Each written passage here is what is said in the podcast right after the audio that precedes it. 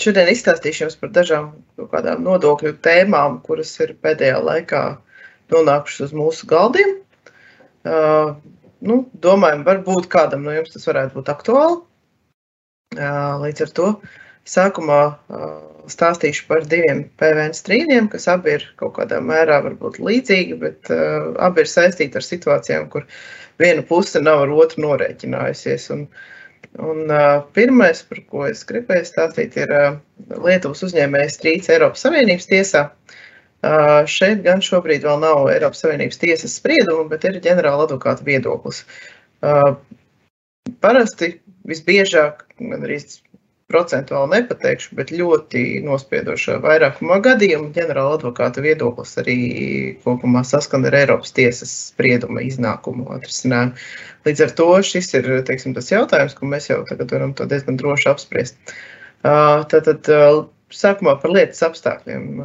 Lietas pamatā ir kāds cesijas darījums, Mums ir nekustamā īpašuma pārdevējs, kas sākotnēji bijis īpašnieks kādam nekustamajam īpašumam, un šo īpašumu ir izmantojis kā nodrošinājumu bankas aizdevumu saņemšanai.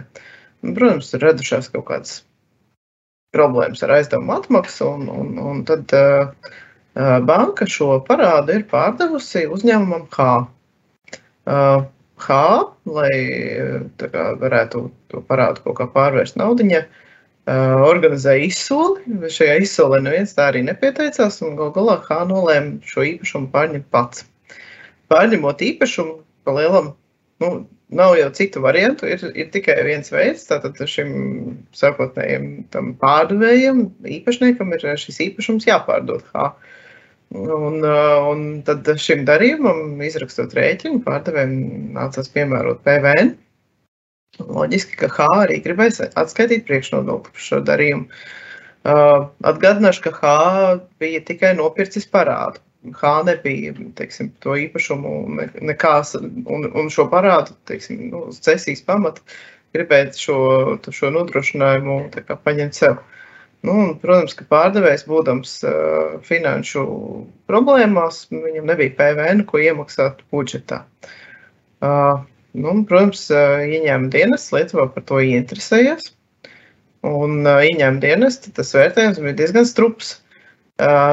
Priekšnodokli viņi H neatmaksās, jo patiesībā tā ir bijusi nelabticīga rīcība. H ir izmantojusi PVN sistēmas priekšrocības, jo H jau no paša sākuma zināja, ka šim pārdevējam ir finanšu grūtības un ka viņš īstenībā budžetā to PVN tā arī nekad nesamaksās. Līdz ar to H ir eh, rīkojies negodprātīgi, negodīgi, ļaunprātīgi, un, un H nepienākas priekšnodoklis par šiem darījumiem.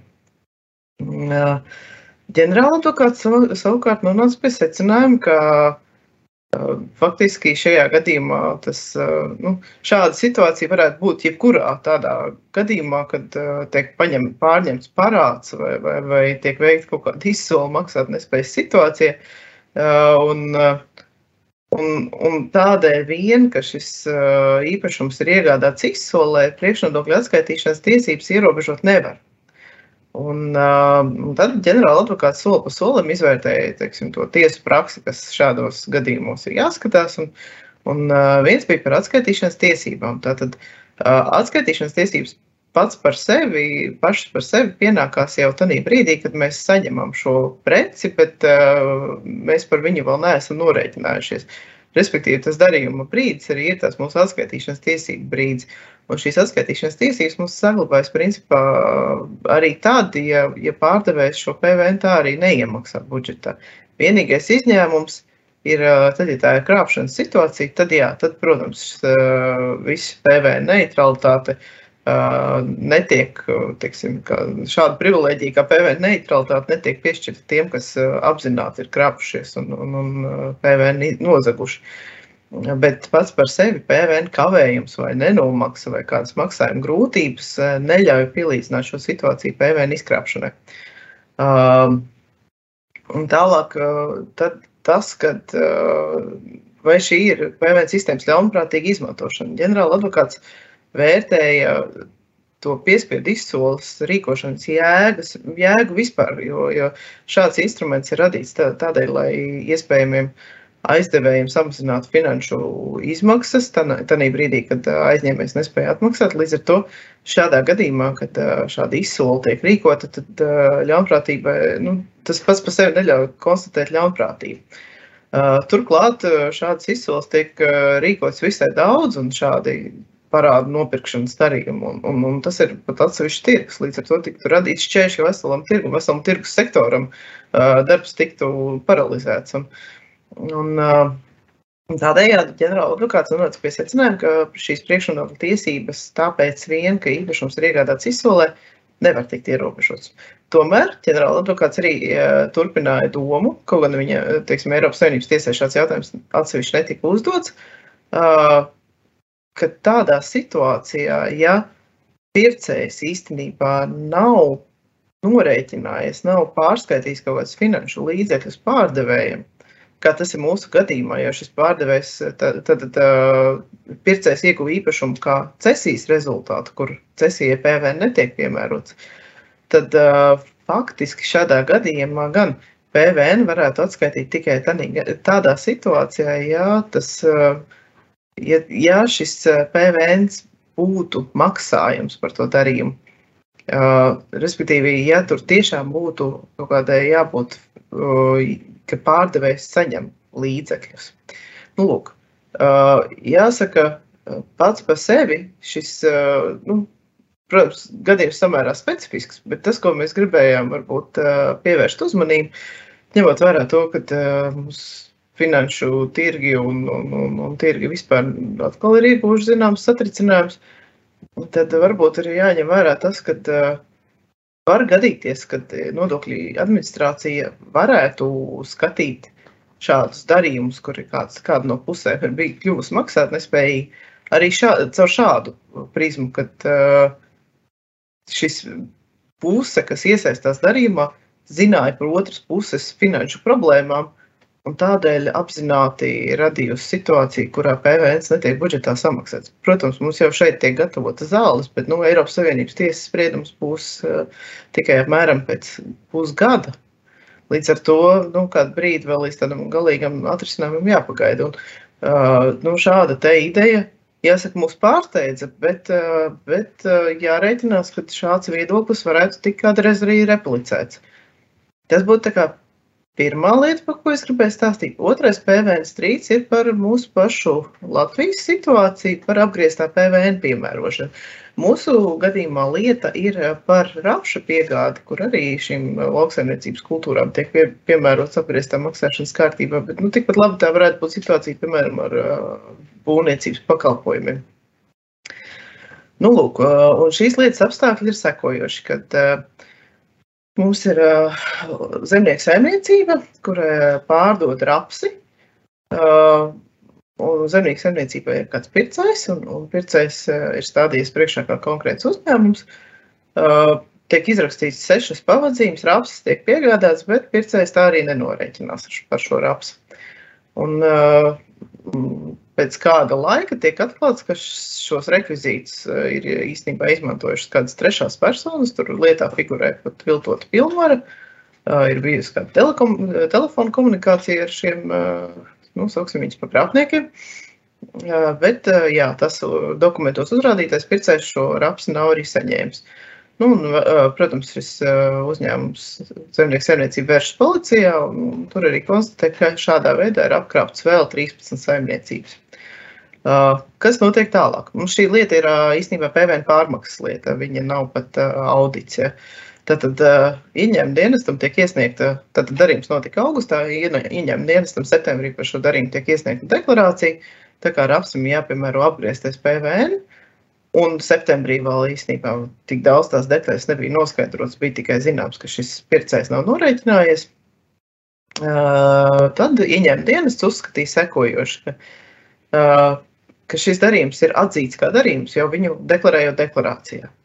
Līdz ar to, pat ja viņš nav noticis, eh, vienalga šis piegādātājs to ir atzinis.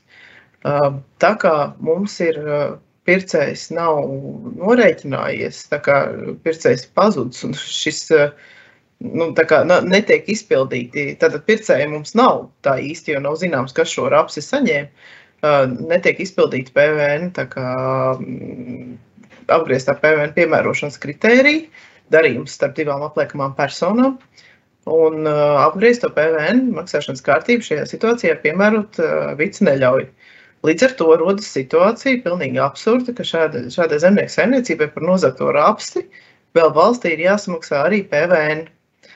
Un, uh, un, un, protams, ka uh, ieņēmuma dienests uh, ir arī vēlāk, tur, tiksim, šī lieta ir uh, skatīta trijās instancēs tiesā. Uh, Niņām dienests ir vēl akcentējis to, ka uh, šī piegādātājs, viņam, nu labi, viņš varbūt nezināja, bet viņam vajadzēja zināt par šī pircēja negodprātību, jo piegādātājs pārāk viegliprātīgi izturējas pret, uh, pret saviem darījumiem.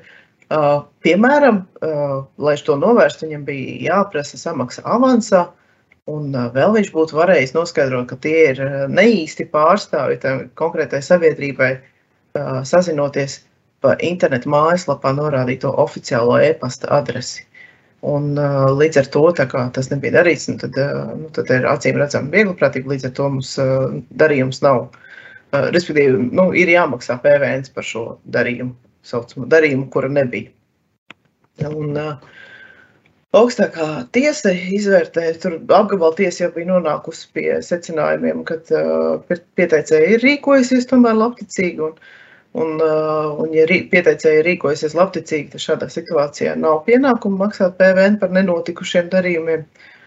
Uh, nu, analoģiski iepriekš apskatītiem spriedumam, uh, ja, ja mums ir teiksim, tāds parasts biznesa riska situācija, mēs nevaram būt vienmēr atbildīgi par, par PVN, par citām pusēm.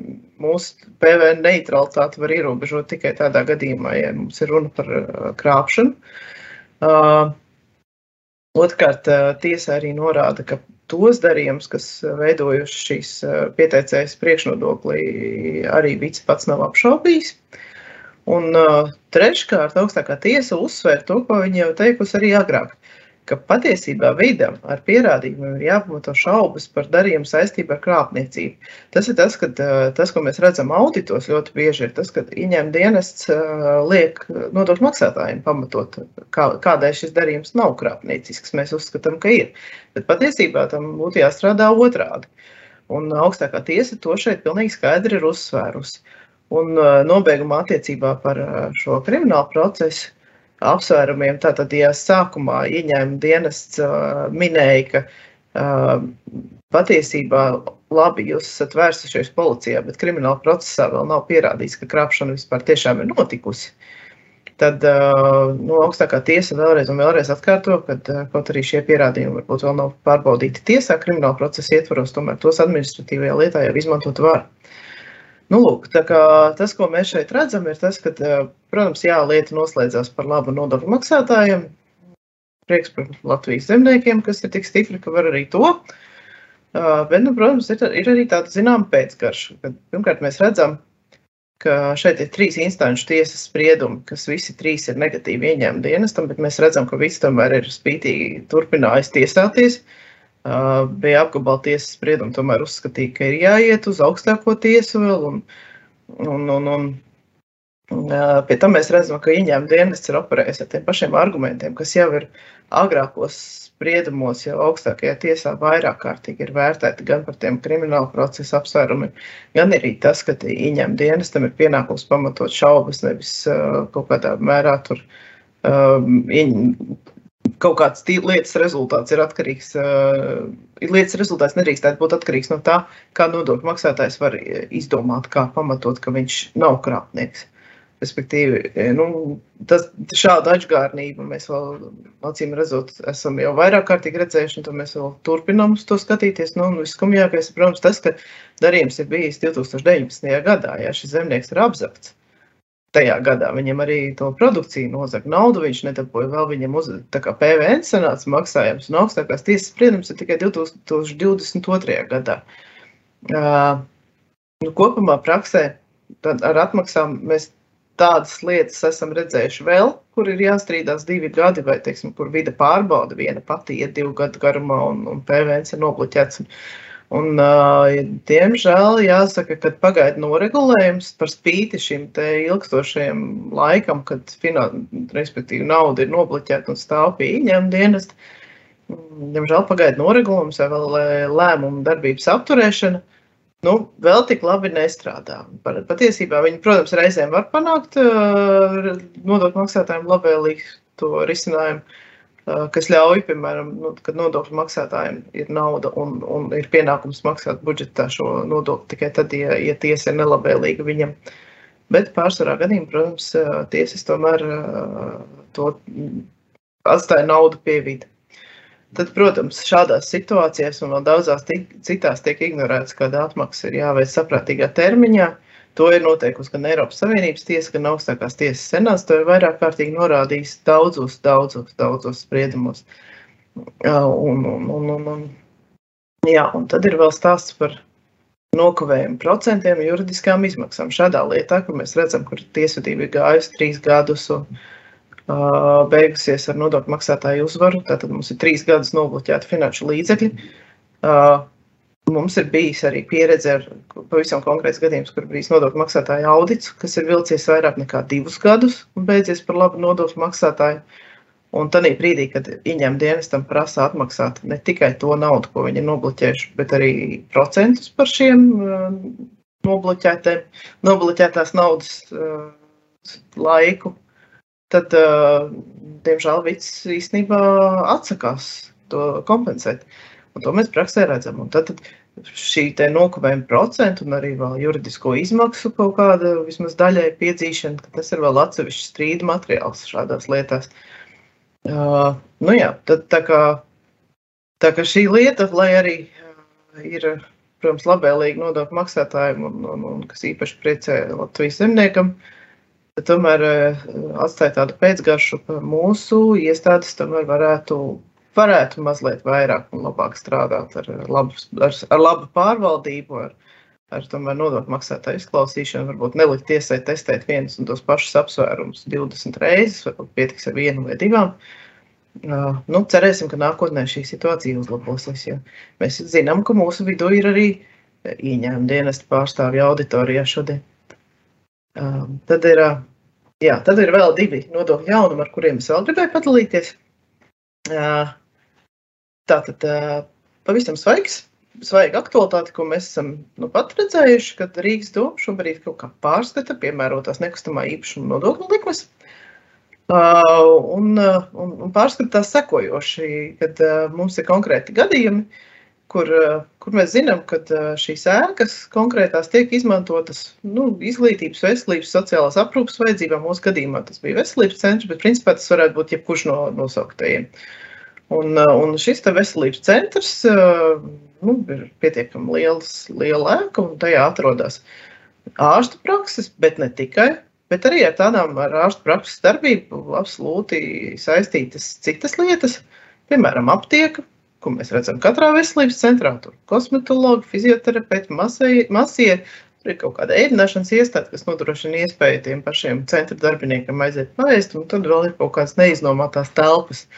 Uh, Mēs šobrīd neesam redzējuši šī Rīgas domas konkrētu lēmumu par to, ko Rīgas doma, teiksim, kā viņa nolems šo, šīs likmes pārskatīt vai, vai piemērot vai mainīt. Bet tas, kas ir interesējis Rīgas domu, ir tas moments, kad tikai ārstu prakses pa lielam šajā situācijā ir ēkas, ko izmanto veselības aprūpas vajadzībām. Uh, Pārējās ir šā vai tā, bet kaut kādas komerci, komerciāliem nolūkiem izmantotas. Un ļoti iespējams, ka varētu vienā brīdī parādīties viedoklis, ka, ka par šīm te ēku daļām, kas ir iznomātas tur aptiekam, ka par tām iespējams būs jāmaksā nekustamā īpašuma nodoklis pēc, pēc kaut kādas likmes. Bet, bet nu, šī ir tāda tikai iesākusies diskusija, tā kā nu, šeit ieteikums šeit ir vairāk tāds, ka ir vērts paskatīties, eh, kas ir mūsu nomnieki. Un, ja tur ir kaut kāda teiksim, šis, eh, šis te izņēmums no nekustamā īpašuma nodokļa, tad uh, ir vērts uh, painteresēties, uh, kā, kā varbūt labāk izskaidrot šī, šo ēkas izmantošanu nepieciešamības gadījumā. Tas tāds īsais un, un beigās jau gandrīz labs jaunums. Nodokļos tādu nav daudz. Par reprezentatīvām automašīnām. Tas ir, nu, protams, tas nav nekustamā īpašuma un, sektora varbūt primārais jautājums, bet viņš ir jebkuras nozars jautājums. Un, Un, tas, ko mēs varam padalīties, ir, šobrīd norisinās diskusijas ar Finanšu ministriju par iespēj, iespējamām izmaiņām regulējumā attiecībā uz reprezentatīvām automašīnām. Atgādināšu, ka tātad, ja automašīna iegādes vērtība ir 50,000, neskaitot PVN vai vairāk, tad par šīs mašīnas eksploatāciju nekādas izmaksas nav atskaitāmas. Tās ir, par tām ir jāmaksā uzņēmējākuma nodoklis. Priekšnodoklis nav atskaitāms vispār. Un, un, un, un, protams, šī situācija uzņēmējiem ilgstoši ir nepatikusi. Un šobrīd ir uzņēmē, uzņēmēja organizācijas ir uzsākušas dialogu ar Finanšu ministriju par, par iespējamu sliekšņu atcelšanu. Nu, uh, sliekšņa atcelšanas tas galvenais pamatojums ir tas, ka pirmkārt automašīnu cenas ir pieaugušas būtiski. Protams, ka tas atstāja ļoti lielu ietekmi uz automašīnu tirgu. Uh, Tad mums ir vēl elektroautomašīnas, kas pēc definīcijas jau ir dārgākas nekā rieksdeļas dzinēja darbināmie auto. Uh, ikdienā autotirgotāji, protams, satiekās arī ar ieņēmumu dienestu un uh, patiesībā ieņēmumu dienestu vis, visvairāk vēršas pie pircējiem un, un pārbauda šo patieso ikgādes cenu, kāda tā ir bijusi. Vai, un, un, un, un dažkārt ieņēmumu dienestu secinājumi nav tik pamatoti un, un, un pierādām bet toties ir jāstrīdās. Nu, un tad, protams, ir vēl tā neatrisinātā situācija ar nolietojumu, ka, ja jūs esat pirms astoņiem gadiem nopirkuši reprezentatīvu automašīnu, pat tad, kad viņiem ir nolietojusies līdz gandrīz ar bilances vērtību nulli, pat tad nav atskaitāms nekādas izmaksas par šīs automašīnas eksploatāciju. Un, ņemot vērā visus šos argumentus, tad uh, Finanšu ministrijai tiek lūgts apsvērt iespēju atcelt šo reprezentatīvo auto slieksni. Finanšu ministrija nu, par atcelšanu, tas, protams, liekas salīdzinoši radikāls solis, bet uh, pašlaik ir diezgan konstruktīva diskusija par to, ka varētu uh, Finanšu ministrija varētu piekrist šo reprezentatīvo auto slieksni būtiski palielināt. Summas nesaukšu, jo tas vēl diskusija vēl turpinās. Nu, sekosim līdzi, skatīsimies, ar ko tas beigsies. Nu, protams, jārēķinās, ka varbūt, ja ja šis slieksnis eh, būtiski palielināsies, varētu gadīties, ka kāda automašīna paliek tomēr tirgu dārgāk. Nu, tas jāskatās. Tā kā tas man šodien arī ir viss. Paldies jums liels par jūsu uzmanību!